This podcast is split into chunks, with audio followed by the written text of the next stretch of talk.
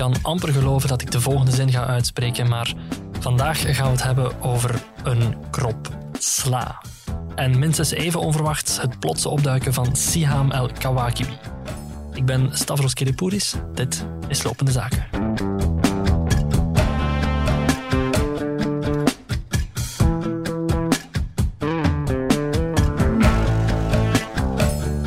Lopende Zaken. Een podcast van de morgen.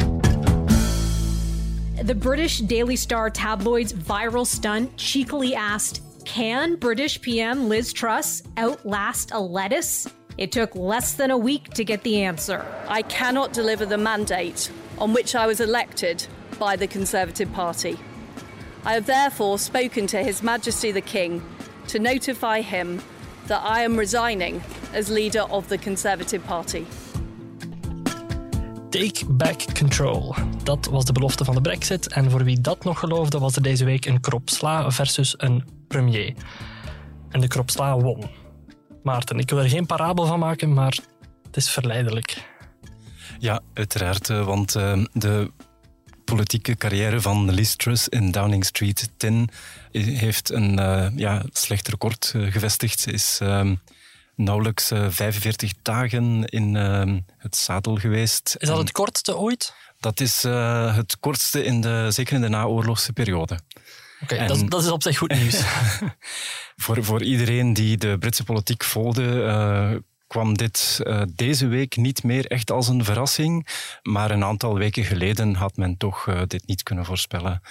Liz Truss is natuurlijk iemand die ehm, heel hoog had ingezet. Die dacht dat zij kon de Britse economie volgens een heel klassiek neoliberaal recept terug naar eh, grote hoogtes eh, stuwen.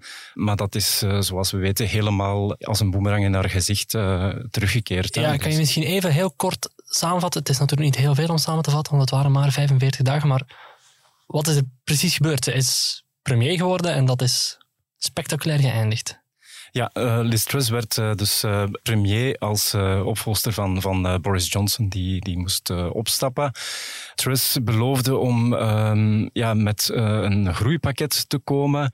Ze heeft minister van Financiën, Kwasi Kwarteng, dat was een heel goede bondgenoot van haar, opdracht gegeven om meteen alle belastingen te verlagen, maar tegelijk wou ze dan ook alle energierekeningen van de Britten eh, voor een stukje betalen. En eh, eigenlijk kwam het erop neer dat ze heel veel geld eh, begon te lenen in het wilde weg bijna op de, op de, op de internationale markten eh, zonder een echt plan. En, eh, En dan blijkt dat een land een plan nodig heeft. en dan blijkt dat een land een, een plan nodig heeft. Ehm, Het IMF, haar eigen economische instellingen, die hebben allemaal brandhout gemaakt van haar beleid.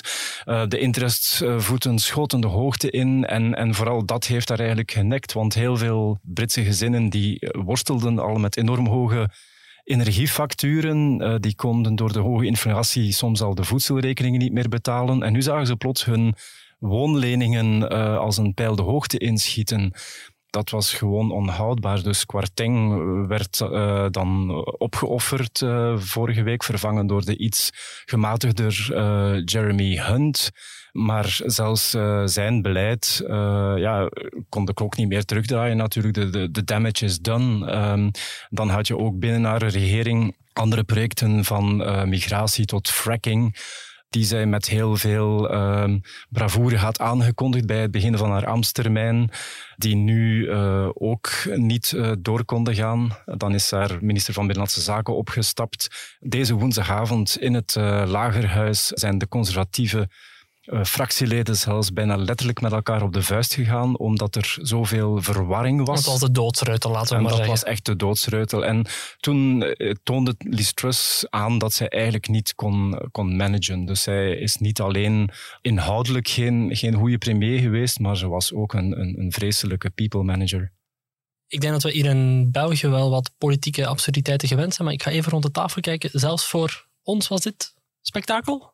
Ja, vind ik toch wel. Mhm. Toch? Ja. Nee? Ja, hè? We zijn er allemaal, zelfs ik, iets te jong voor, maar ik denk dat we in de jaren tachtig in België ook wel een, een, heel labiele periode hebben meegemaakt. Ehm, veel mensen zullen vinden dat politiek nu al labiel is in België, maar het is echt klein bier in vergelijking met eh, de jaren tachtig, toen eh, Wilfried Martens de ene na de andere regering probeert te vormen met zijn naam. En daartussen heeft dan één keertje ook Parkijskes het geprobeerd. En die heeft het niet zo heel veel langer uitgezongen dan uh, Liz Truss nu. En heeft toen ook afscheid genomen met de gevleugelde woorden. Het is herfst, de bladeren vallen, ook de regering is gevallen. En die, die, die redenering geldt nu ook op voor uh, Liz Truss. Hè. Ja, dat afscheid van uh, Liz Truss, dat kwam niet onverwachts. wat, wat nu? Nu moeten de conservatieven in allerijl op zoek naar een, naar een opvolger. De oppositie eist uh, nieuwe verkiezingen. Ja, dat lijkt toch de logica zelf. Hè? Dat, dat... je het ene premier moet opstappen, de volgende moet dan na 45 dagen ook opstappen. Dan lijkt het toch de logica zelf dat je zegt, misschien gaan we nu even de, de mensen laten, laten spreken. Inderdaad, dat zou de logica zelf zijn, maar het, het Britse systeem is, zit eigenlijk zo in elkaar dat zij um, de verkiezingen om de vijf jaar hebben vastgelegd. Ze hebben eigenlijk via de wet het heel moeilijk gemaakt om vervroegde verkiezingen te organiseren. Het komt er eigenlijk op neer dat je, dat je in het House of Commons een, een motie van wantrouwen moet kunnen neerleggen met, met een gewone meerderheid of vervroegde verkiezingen forceren met een tweederde meerderheid. Of de conservatieven zelf moeten zeggen van we stappen naar de kiezer.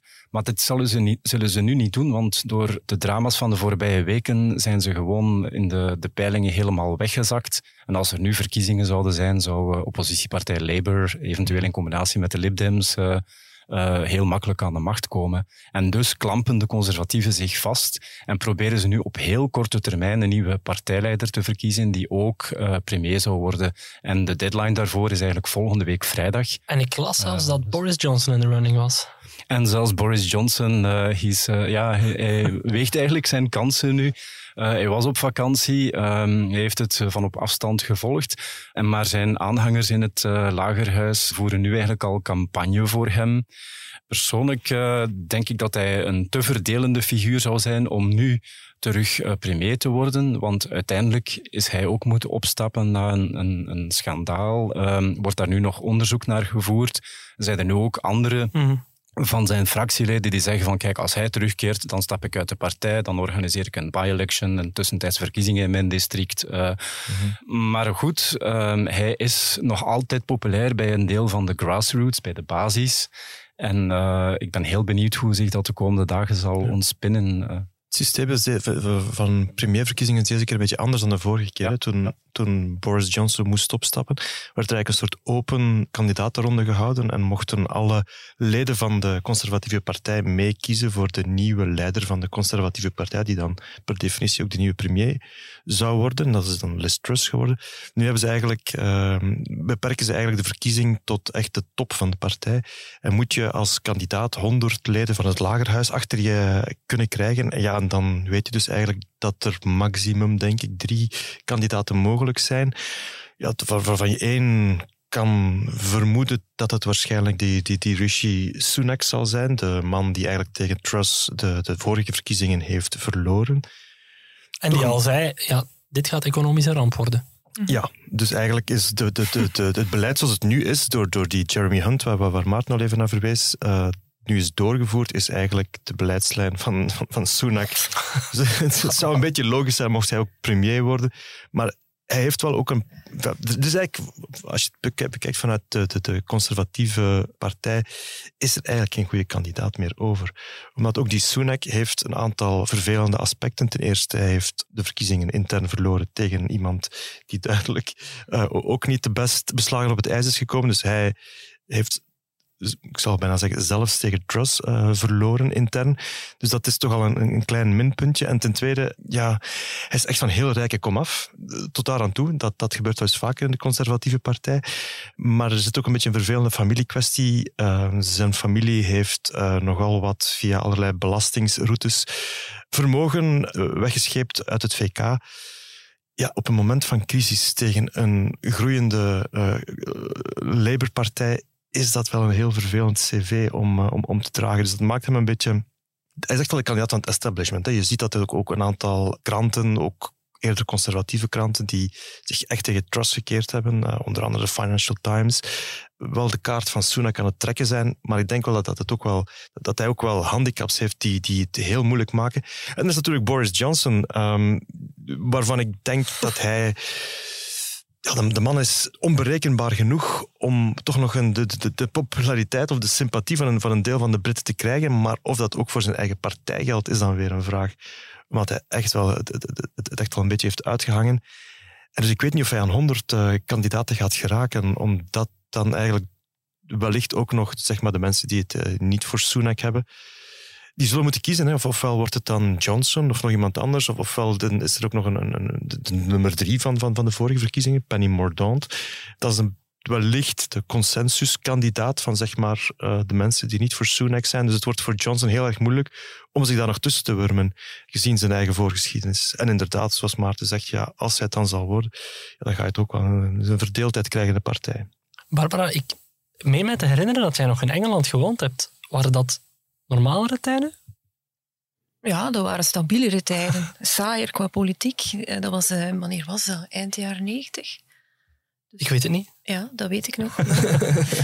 um, dus ik heb wel een beetje een band met het land. Nee, dat waren normalere tijden. En, um, dat was het begin van de Cool Britannia-periode, ja, van, van was, de eerste ja, Blair-jaren. Ja, de eerste Blair-jaren. En uh, als ik er nu naar kijk, uh, ik heb daar Shakespeare gestudeerd toen uh, in Engeland, in Manchester, en ik denk daar nu vaak aan, want uh, Shakespeare heeft ons, laat ons zien hoe waanzinnig en, en hoe los van de realiteit machthebbers kunnen worden. En, um, ja, met wie zou je Liz Truss vergelijken? Ik heb niet meteen één persoon, want dat is net het probleem. In, bij Shakespeare leer je wat er in die koppen omgaat en hoe dat mensen krankzinnig worden op weg naar de macht of in de macht tijdens de machtsstrijd. Nu weten we het niet. Ik weet niet wat er... Ik sta verbijsterd te kijken van hoe kan het dat iemand die wellicht middelmatig intelligent is, toch zeker, anders raak je daar toch niet, een plan zonder plan dat niet doorgerekend is, dat tegelijk heel uh, liberaal is en, en tegelijk heel veel geld. Een, een, een zot plan dat zeer destructief is, dat dat dan de begroting wordt, dat is compleet uh, van de pot gerukt. En je weet niet wat daar in, in de hoofd speelt. Bij Shakespeare weet je dat dan wel. Dat is het voordeel van de fictie. Dus het is eigenlijk hele slechte Shakespeare. Het is, het is, een, het is chaos, het is, het, is, het is eigenlijk compleet. Het is ook heel triest, zoals Maarten zegt. Eh, de Britten eh, hebben het al heel, heel moeilijk sinds de brexit. En, en nu um, is het nog, nog veel erger. Heel concreet in echte levens van echte mensen. Uh, dus um, ja, Maarten, kijk daar jouw, met een uh, jouw partner trieste... is van het Verenigd Koninkrijk, geloof Inderdaad, ja. Mijn echtgenote is Britse en uh, ja, zij volgt natuurlijk de, de Britse politiek ook op de voet. En begrijpen Britten dan wel wat er gebeurt? Of is het voor hen ook ja, uh, iedere ja, dag ik, nieuwe ik, chaos. Ik denk het wel. Ik denk dat um, ja, bijvoorbeeld mijn, mijn echtgenote, toen dat Truss premier werd, um, uh, kwamen, kwamen er meteen wat, wat uh, heel flegmatieke verwensingen wat over de lippen. te worden? Omdat zij gewoon meteen zei van, ja, she is thick. Dus ze is niet snugger genoeg om premier te worden. dus zij begreep het eigenlijk niet dat, dat de conservatieven haar hadden aangeduid. Maar ja, kijk, uh, Truss is verkozen door de, door de, door de, de, de basis. De, de, fractieleden hadden Sunak eigenlijk gekozen. Met het programma dat ze heeft Met... uitgevoerd. Hè? Ja. ja, dat is hetgene dat, dat ik niet begrijp. Ik snap dat dit, totaal Hoe komt dit als een verrassing? Dit, ze heeft gedaan wat ze beloofde mm. en dan was de conclusie, ah nee, dit is geen goed idee. Het is een... Um, haar, haar, programma was eigenlijk een soort laboratoriumformule van, van een, in een ideale uh, neoliberale context.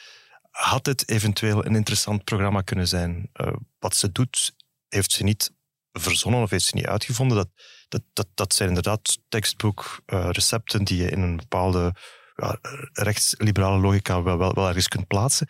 Alleen zit je niet in een labo, maar zit je in een bijzonder moeilijke economische context met een Brexit die niet verteerd is en die, die het VK nog kwetsbaarder maakt dan Europa kwetsbaar is. Je zit met die, de rest kennen we natuurlijk zelf uit ons eigen land, is met de uitkomst van coronacrisis die onmiddellijk is overgegaan in, in oorlog en energiecrisis. En dan moet je natuurlijk wel uh, gaan, gaan uitkijken ja, wat je doet. En, en, en zijn de, het aantal mogelijkheden die je hebt uh, als overheid vrij beperkt. En als je er dan echt als een olifant in een porseleinwinkel tegenaan gaat, ja, dan krijg je wat je krijgt. Het, grote probleem wat haar echt genekt heeft, of wat haar economisch programma echt genekt heeft, is het renteverschil dat is opgedoken als je uh, overheidsobligaties wil. wil we kennen dat ook, we hebben dat in België ook even meegemaakt. dus de rente op die overheidsobligaties steeg, wat dus een teken is dat de markt eigenlijk niet meer gelooft dat de overheid ooit die obligaties zou kunnen terugbetalen. En dat was een probleem, omdat dreigde op een bepaald moment even een soort mini-financiële crisis te ontstaan omdat pensioenfondsen in, in, in, in het Verenigd Koninkrijk massaal belegd hebben in die obligaties. Nogmaals, uh, so far so good. Maar om zich een beetje in te dekken tegen die investeringen in die obligaties, hebben zij eh, ondergeschikte verzekeringen genomen. En plots zeiden die verzekeraars, ja, wacht eens even, als jullie zo massaal belegd hebben in producten waarvan wij niet meer weten of ze, of, of ze nog veel waard zijn, dan moeten jullie nu wel even komen onze verzekeringen terugbetalen. Zo dreigt er echt een soort uh, spiraal. spiraal die we kennen uit de echte financiële crisis van 2008. Het is exact op dezelfde mhm. manier gebeurd. Toen met uh, huisleningen, nu met uh, pensioenfondsen en, en, overheidsobligaties. Toen heeft de Nationale Bank in het Verenigd Koninkrijk moeten ingrijpen. Toen, als op dat moment was duidelijk van dit programma is ten dode opgeschreven. En dus ook de politieke verantwoordelijke. Ze heeft eerst nog geprobeerd inderdaad om haar minister van Financiën op het kapblok te leggen. Maar dit was 100% haar beleid. Dus dit, dit, dit, was de enige mogelijke uitkomst na het ternauwernood vermijden van die crisis. Maar ik had gehoord of gelezen, ik weet het niet meer, eh, misschien gaan jullie dat kunnen uh, uitleggen, dat het ook een beetje een crazy plan was in de zin dat er een stuk heel neoliberaal recept, mm -hmm. recepturen stond. En tegelijk, het ging over heel veel geld uitgeven in verband mm -hmm. met energiefacturen en zo. En dat het in die zin eerder aberrant was, of toch een raar, op zich toch wel al raar. en niet zomaar tekstboek. Dat is het tweede aspect, van, van, dat is het tweede aspect van dat plan, inderdaad. Dus die, die massale compensatie van de energierekeningen, gecombineerd dan met... Um, Zo. Ja, en, en dus de, de enige manier waarop dat je dat zou kunnen compenseren als overheid, is dan door massale besparingen op, uh, op, op, overheidsinstellingen. Maar die zijn, er is al heel zwaar mhm. bespaard op een aantal mm van, die, van die. Als je het dan hebt over de, de, de, de, gezondheidszorg ja. in, in, de UK, um, ehm, daar is nog weinig vet van, van de soep te halen. En dus ja, dat, dat, dat, dat leek een gigantische budgettaire catastrofe te gaan worden. Het was een totaal ongeloofwaardig programma. En de, de gevolgen die we nu hebben van, die, van dat beleid vallen die omgekeerd. Je had het al over de rentes, hè, dus dat dat de leningen voor huizen veel duurder worden. Dat scheelt enorm in de facturen van mensen. Is dat, valt dat om te draaien of is dat echt iets waar mensen nu maar mee, mee zitten? Ik, ik, denk dat het op korte termijn, wie er ook premier wordt, dat dat niet meteen omgedraaid kan worden. Omdat die, zeker die rentes, dat is een, ja, dat is een eigen dynamiek op, op de markten. Uh, en, en ik vrees dat heel veel mensen uh, zwaar in de problemen zullen komen in de komende maanden. Uh, heel tekenend bijvoorbeeld was dat, um, ik denk dat het ook woensdagavond was, terwijl dat die conservatieve lagerhuisleden een Robertje aan het vechten waren in, in het parlement. Mm. berichtte de BBC vanuit Sunderland, ergens in het noorden. Dat was een district waar, waar eigenlijk vrij veel armoede heerst. Vrij grauw district, hè? Vrij grauw.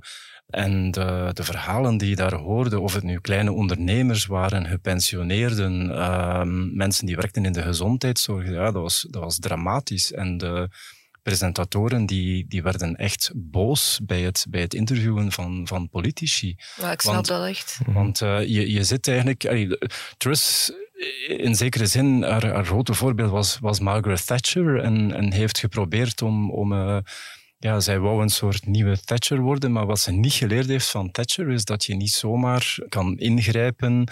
Ze, ze probeerde eigenlijk om Thatcher naar de kroon te steken, maar net zoals Thatcher uh, botst hij echt op sociale op drama's. De. Op, op de werkelijkheid. Het lijkt alsof zij, zoals Johnson ook voor een stuk, de realiteit niet meer, daar niet meer in zitten. Alsof ze ergens daar los van is dat, is dat ook jouw indruk? Ik heb van verre die indruk, maar, maar je kent ja, er veel meer er is een soort van... Eh, het, het, het, grote drama in de UK is dat er echt een, een, een, deel van de middenklasse is die, die eigenlijk de voorbije jaren ook aan het verarmen is geweest. En er waren al grote problemen in het noorden bijvoorbeeld.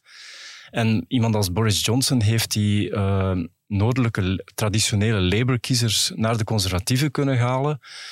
Maar hij is er niet in geslaagd om, om de levensomstandigheden voor die mensen te verbeteren. En nu komt Truss, die dan ook nog eens uh, ja, een deel van de middenklasse naar, naar beneden duwt op die, op die sociale ladder. En ja, je kan maar de vraag stellen tot wat dat zal leiden als er nog eens uh, verkiezingen zullen komen. Ge, ergens gelukkig heeft de UK op dit moment geen populistische partij die zou zeggen van we, we schaffen dat allemaal af. Uh, maar maar dit, dit zet een dynamiek in gang die, die nog uh, zou kunnen leiden tot een, een, een winter of discontent met, met sociale protesten. Dat is Shakespeare. Dat is Shakespeare, um, en, en ook, uh, er zijn ook impacten op langere termijn, bijvoorbeeld Schotland. Um, ik denk als je nu een opiniepeiling zou doen in Schotland of, of men onafhankelijk wil worden, dan ook daarop zal dit een impact hebben. Maar je weet bij Shakespeare, na, de winter of discontent, kwam de zon. Ja. Van de Glorious King of York. Ja. Vraag is wie, dat, wie dat zal worden. Inderdaad, dat is een uh, goed punt. Wordt het een, uh, een king of een queen? Want uh, dat is ook nog mogelijk. Afwachten. Zullen we naar de Belgische politiek gaan?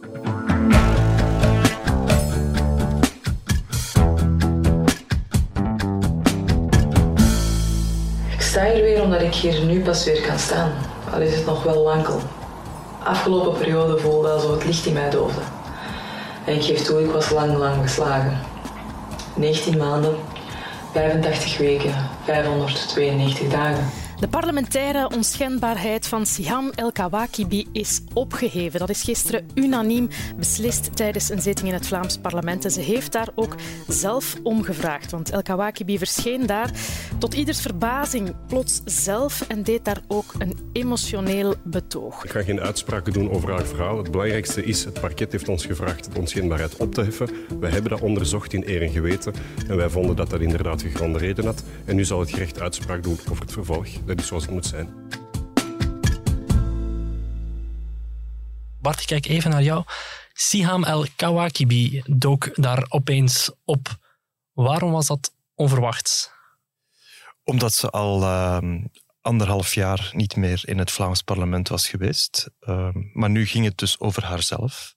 Plenair moest beslist worden of zij haar uh, parlementaire onschendbaarheid zou verliezen, was in principe, en dat is ook in principe een, een, een formaliteit uh, gebleken. Dus het is eigenlijk op zich misschien wel nog vrij logisch dat als het uh, zo'n puntje op de agenda staat, dat je toch zelf even komt kijken en uh, even het woord neemt om, om je verdediging op te nemen. Maar omdat ze er al zo lang niet meer geweest was, uh, ja, was het toch even schrik. En toch zeker voor de, voor de Vlaamse volksvertegenwoordigers zelf. Die beelden waren wel... Uh, ja. een aantal mensen keken haar met de nek aan, hè? Uh, ja, ja, maar ik, ik, kan me er ook wel iets bij voorstellen. Ja. Ik denk dat het ook voor, voor, zelfs voor de mensen die dat niet deden, het heel lastig was om je een houding te geven. Omdat er is wel wat gezegd en geschreven natuurlijk over, uh, over haar de voorbije tijd. Ja, ik, ik liet me in het verleden ook wel eens vertellen dat heel wat parlementairen sowieso een beetje misnoegd waren over uh, Siham El Kawakibi, omdat zij onder andere ja, haar eerste loon als parlementair ging weggeven, omdat ze zei, ja, parlementairen zitten hier nu in de zomer, maar... Uh, Waarvan we niet weten dat het ook echt gebeurd is, hè? ja, klopt. Ja. ja, had wel zo het beeld geschept van de parlementair die zijn broek zat te verslijten, en dan mhm. bleek zij toch vooral degene die met publieke middelen aan de haal was dat gegaan. Is het, hè. Dat is de dubbele uh, frustratie die leeft um, bij de, de, Vlaamse volksvertegenwoordiging, de, zeg maar de, Vlaamse politiek in het algemeen, want ik denk niet dat uh, veel burgers er nu een punt van maken of iemand nu rechtstreeks de collega's van El Kawakibi in het Vlaams parlement of ergens anders in de politiek zit. Dat, dat, dat is uh, allemaal toch één wazig beeld, denk ik. maar er zijn dus inderdaad twee punten van frustratie. Ten eerste zijn het nogal beroerde tijden om aan politiek te doen en moeten uh, volksvertegenwoordigers zich sowieso nogal vaak verdedigen tegen het verwijt dat zij enkel met hun eigen job bezig zijn en enkel er zitten om uh, hun zakken te vullen. Ja, en dan duikt er plots een politicus op waar effectief wel wat vragen te stellen zijn over het uh, gebruik van, van overheidsmiddelen en over het afwenden van, van subsidies. Dus dat, dat, is de kern van het gerechtelijk onderzoek naar uh, mevrouw El Kawakibi. Of zij effectief subsidies heeft afgewend naar haar eigen rekeningen. En ten tweede is het inderdaad de persoon van, van El Kawakibi zelf, die, die heel veel aandacht heeft opgewekt. Die aandacht wekte ze al op voor ze in de politiek zat. Maar dat is zeker ook wel uh, nog versterkt, denk ik, uh, toen ze effectief een mandaat heeft opgenomen. Omdat ze inderdaad, zoals je zei, toch heel erg met het idee binnenkwam van ik ga het anders doen, ik ga mij onafhankelijk opstellen. En dat was een fris geluid. Uh, dat vinden wij in de media altijd heel erg interessant, frisse geluiden. Dus zij kreeg heel veel aandacht daarvoor. En dat stond dan een beetje in ja, in contrast met wat ze effectief in het parlement gedaan heeft. Dat was niet altijd even, ze was niet altijd aanwezig, ook niet toen ze nog niet ziek was.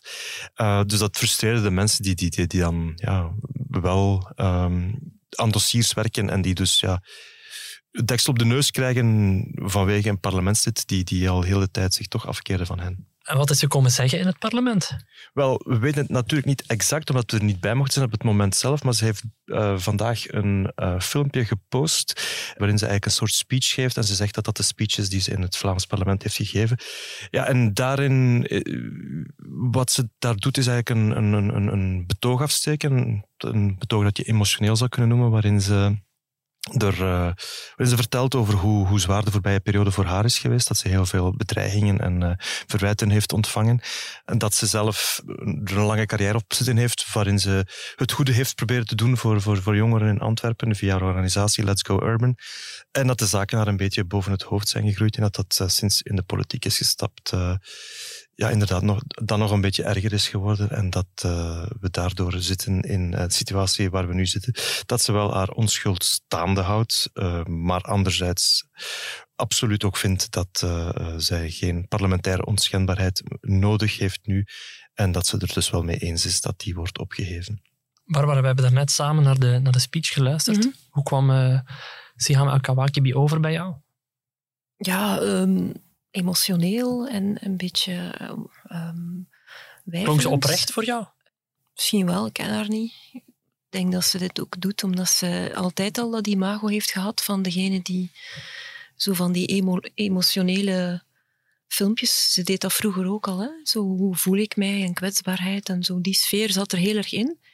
En um, is dat echt of niet? Ik vind het heel moeilijk om, om dat te zeggen. Ik vind het gewoon opvallend dat ze um, daar heel veel woorden voor gebruikt om, om haar gevoelens en haar, haar familie. En, en dat, dat over de, de clue, hè, wat, wat is daar nu gebeurd? Ja, daar mag ze misschien ook niks over zeggen, maar dat wil ik vooral weten.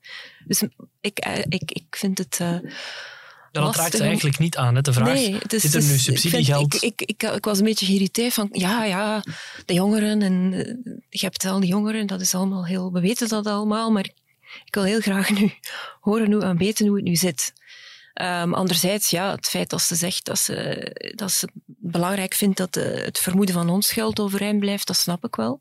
Maar de sfeer van die, van die video vind ik een beetje bizar. Ik, ik, ik vind het vreemd om, om op die manier uh, in zo'n politiek schandaal. Het is alsof het meer een soort psychotherapeutische sfeer, zo, die, dat soort clip. Bart had ook nog iets mee naar het parlement, een cameraploeg.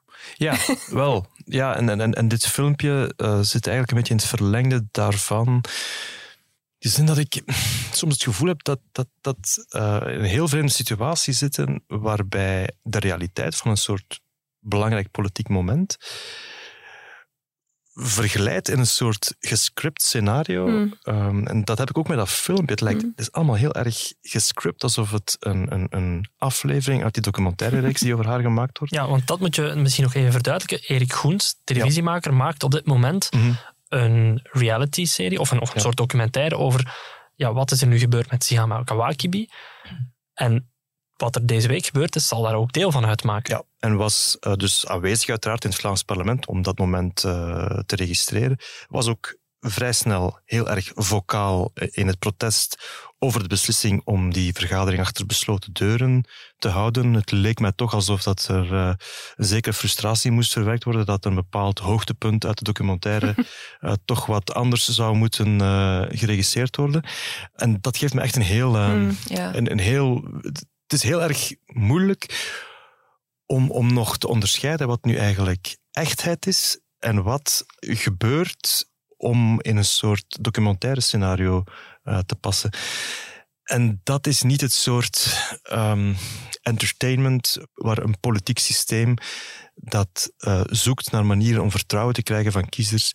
Dan heb je dit soort show, denk ik, even niet nodig. Maarten, ik zag jou heel hevig knikken. Ja. Ja, ik ben het daar helemaal mee eens. Ehm, ik, ik denk ook dat uh, ja, iemand die, uh, zoals zij, beschuldigd wordt van mogelijk financiële malversaties, eigenlijk best gewoon afwacht tot zowel ja, het, parlement als uh, het gerecht haar, haar werk doet. Ze is nu bezig met, met haar imago te proberen op te krikken en, en werpt heel veel zaken naar voren die zij vroeger heeft gedaan, ook goede zaken, en dat is haar volste recht. Maar ik, ik denk dat, dat, dat we nu ons moeten focussen op de feiten. En ik zou, eigenlijk, ja. ik zou eigenlijk ook, eh, ik denk dat het zelfs nuttig kan zijn. Ik weet niet of, of daar plannen toe zijn, maar uh, dat het parlement zelf ook eens uh, zich bezint over bijvoorbeeld uh, mogen parlementsleden cumuleren met, met VZW's die, die overheidsmiddelen krijgen, omdat je, die rol, uh, mm-hmm. ja, politici zitten ook niet in raden van bestuur van grote bedrijven bijvoorbeeld, juist om belangenvermenging tegen te gaan moeten we ook een debat hebben over uh, cumuleerbaarheid met VZW's bijvoorbeeld. Maar ik weet niet hoe jij dat ziet, Bart. Ja, ik snap wel je punt, maar ik vind toch ook nog altijd dat um, er is ook zoiets als fatsoen. We hebben toevallig de voorbije weken ook een aantal gevallen gehad van uh, burgemeesters die uh, schijnbaar uh, ja, toch het heel moeilijk hebben om een aantal evidente regels te volgen als het dan gaat over dat je, dat je als burgemeester niet zelf en tegelijkertijd beslist over de ruimtelijke ordening in, of mee beslist over de ruimtelijke ordening in gemeente en tegelijkertijd ook speculeert op een aantal uh, percelen, gronden uh, en, en waar, waar de beslissing van, van de ene dus impact heeft op de verdiensten van de andere.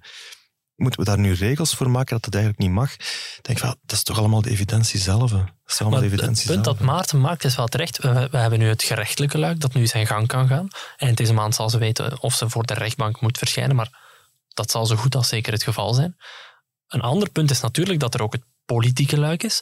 Sihama Kawakibi kreeg dat geld ook vaak uit politieke kringen. Daar was niet altijd heel grote daar gingen geen heel grote controles aan vooraf. Soms werd er ook niet op voorhand een dossier ingediend, maar was het een beetje een, politieke gunst, hè, dat geld dat ze kreeg. Aan die cultuur is voor zover ik weet te gronden niks veranderd. Daar is geen echt grote evaluatie geweest van ja, hoe kunnen we dit nu beter doen? Feit is wel, wat er daar politiek misgelopen is, kan nog altijd mislopen. Mm Maar dat is formeel heel lastig, hè? want um, eigenlijk zag zij minstens zichzelf en werd zij ook ge, ge, ge, geprofileerd als een ondernemer, een social entrepreneur. Dus ja, als, als onderneming maak je gebruik van, als ondernemer maak je gebruik van, van overheidsmiddelen die ter beschikking staan. En in het geval van, als je in die sociale sector werkt, dan zal je meer moeten een beroep doen op, op, op, op de overheid en op subsidies. En, en dat maakt je misschien inderdaad wel wat kwetsbaar. Maar anderzijds zijn er ook uh, bedrijfsleiders uit de, zeg maar, de reguliere economie uh, die ook hun bedrijf uh, gebruik maken van allerlei overheidsvoordelen. Je kan toch moeilijk zeggen, ja, als het dan gaat over de sociale sector, dan mogen politici daar niet bij betrokken zijn. Maar als het dan gaat over uh, de reguliere markt, uh, dan is er geen probleem. Of dan zou je anders, of het omgekeerde, je zou kunnen zeggen, ja, ieder, elk bedrijf mag dingen naar uh, de subsidies die uitgereikt worden, behalve de bedrijven van mensen die nationaal mandaat hebben. Dus dat, dat is een heel moeilijk ja, klopt, om daar een lijn te trekken. een deel van het probleem met Sihama Kawakibi was ook dat bijvoorbeeld in 2017 was er in de, de Vlaamse begroting een potje geld over. Er waren besparingen gedaan, er, waren, er was geld uitgegeven en er was een potje geld over.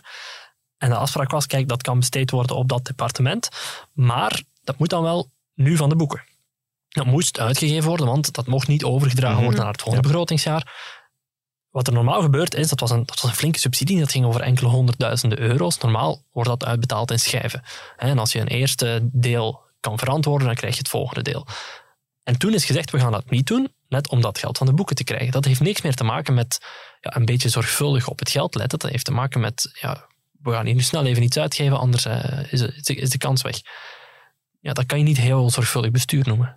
Ik ben niet de advocaat van, van, van, van mevrouw El Kawakibi, maar eigenlijk kan je haar moeilijk verwijten dat zij uh, de begunstigde is van een systeem waar inderdaad problemen zitten. Uh, waar inderdaad op het einde van het jaar blijkt van uh, we moeten nog, dat kan heel vreemd klinken voor een overheid die voortdurend naar geld op zoek is, maar sommige budgetten worden niet helemaal besteed. En ja, als dat dan het, wordt overgedragen naar het volgende jaar, dan is de beneiging groot van ja, als je dat budget toch niet nodig hebt voor dat departement, dan schrap het meteen. En dan ben je natuurlijk al dat geld kwijt. Dus wordt inderdaad dit soort dingen die, die heel erg bedenkelijk zijn gedaan. Maar goed, dat is eerder een, kwestie van een begrotingsopmaak dan, dan, dan van wie, wie aan de ontvangende kant zit van die bedragen die er op het einde van de kar vallen. Het goede nieuws is dat we misschien nog niet de begrotingsopmaak van het Verenigd Koninkrijk hebben.